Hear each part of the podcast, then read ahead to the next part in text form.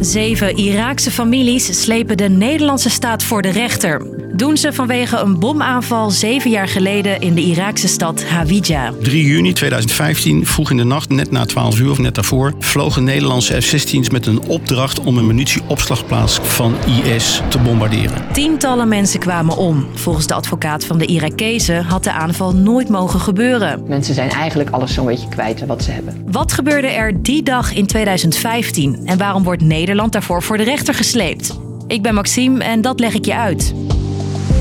Lang verhaal kort. Een podcast van NOS op 3 en 3FM. Tussen 2014 en 2016 was terreurgroep Islamitische Staat de baas in grote delen van Irak en Syrië. Een leger bestaand uit troepen van verschillende landen probeerde IS te bestrijden. En ook Nederland hielp mee. Onze F-16 straaljagers werden ingezet bij meerdere luchtaanvallen. Ook op 3 juni 2015, rond middernacht, lieten F-16's bommen vallen in de Iraakse stad Hawija. Doelwit was een loods, vertelt verslaggever Lex Runderkamp. Het was van oorsprong een opslaghal van de gemeente. En IS had die in beslag genomen en er een bommenfabriek van gemaakt. Die loods werd niet zomaar gebombardeerd. Daar ging een heel onderzoek aan vooraf. Want voor deze missie in Irak gold één belangrijke regel.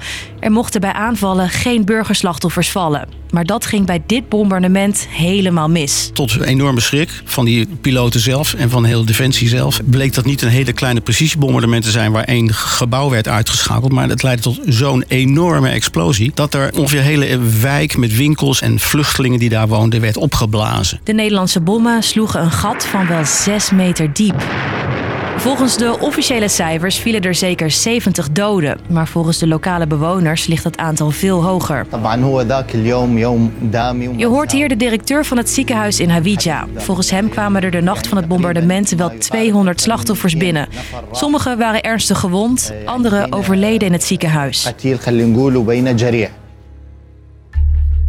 Een belangrijke regel in de missie van Irak was dat er nul burgerslachtoffers mochten vallen. Maar hoe kan het dan toch zo zijn misgegaan? Het doel was dus een bommenfabriek van IS. Je hoort collega Lex Runerkamp nog een keertje. Volgens bewoners stonden er binnenin zeker vier vrachtauto's volgeladen met TNT om ergens in Irak ingezet te worden. En precies op dat moment toen de bom insloeg, gingen die allemaal tegelijk af. De fabriek lag op zo'n 200 meter van een woonwijk. Een gevaarlijke plek en daarom werden er maatregelen genomen. Er werden bommen gebruikt die heel gericht afgevuurd konden worden. En de aanval vond s'nachts plaats, zodat er niemand op straat was. Maar waar geen rekening mee werd gehouden, is dat er zoveel bommen in de fabriek lagen. Het leidde tot een heleboel explosies hier in de buurt. Maar zeker ook was het de knal die zo hard was dat die in de stad Kirkuk op 50 kilometer hier vandaan te horen was.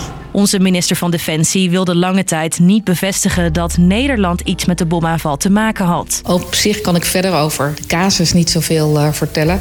Behalve natuurlijk dat het verschrikkelijk is dat er burgerslachtoffers uh, zijn gevallen. Later vertelde de minister dat de aanval inderdaad mis is gegaan. Maar voor de aanval waren er geen aanwijzingen dat er burgerdoden zouden vallen. Met de aanval was volgens haar dan ook niks mis. Maar ja, de slachtoffers zien dat natuurlijk anders. Zeven Iraakse families slepen Nederland voor de rechter voor alle schade die zij hebben. Je hoort hun advocaat. En dan moet u denken aan uh, overleden familieleden, lichamelijk letsel, mensen die gehandicapt zijn geraakt. En huizen die zijn vernietigd. Een van de slachtoffers is Abdul Malek. Hij verloor een oog en vluchtte met zijn ouders naar Nederland. Wat weet jij nog van die gebeurtenis? Niet echt. Alleen dat ik uh, nog uh, achter de deur een beetje zat. Want die deur lag zeg maar echt op mijn hoofd een beetje. Omdat Nederlandse piloten de bommen hebben gegooid, is volgens de familie de Nederlandse staat verantwoordelijk. Nederland heeft een onverantwoord risico genomen met burgerdoden tot gevolg, vertelt hun advocaat. Men kon eigenlijk niet bij benadering inschatten wat er in die fabriek zat.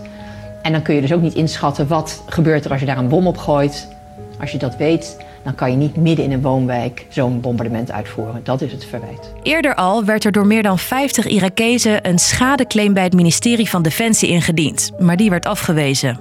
Een deel van de slachtoffers gaat daarom nu naar de rechter. Ze willen allereerst erkenning dat de Nederlandse regering een fout heeft gemaakt en dus verantwoordelijk is. En daarnaast willen ze alsnog een schadevergoeding. In Hawija staat het nog steeds stil. Er is geen geld. Mensen leven nog steeds in de puinhoop. Het is wel treurig dat ze nou moet wachten op een rechtszaak om toch hun leven weer te kunnen oppakken. Maar ik vrees wel dat dat de situatie is. Dus, lang verhaal kort. Nederland deed in 2015 mee aan een internationale missie tegen IS. Daarbij werd met Nederlandse F-16's een bommenfabriek in de Iraakse stad Hawija aangevallen. Bij dat bombardement werd een complete woonwijk verwoest en vielen onbedoeld tientallen burgerdoden. Zeven Iraakse families slepen Nederland voor de rechter. Volgens hen had het bombardement nooit mogen plaatsvinden, want Nederland kon weten dat er kans was op burgerslachtoffers. Dit was de podcast voor nu. Morgen rond 5 uur staat er weer een nieuwe lang verhaal kort voor je klaar. Doeg!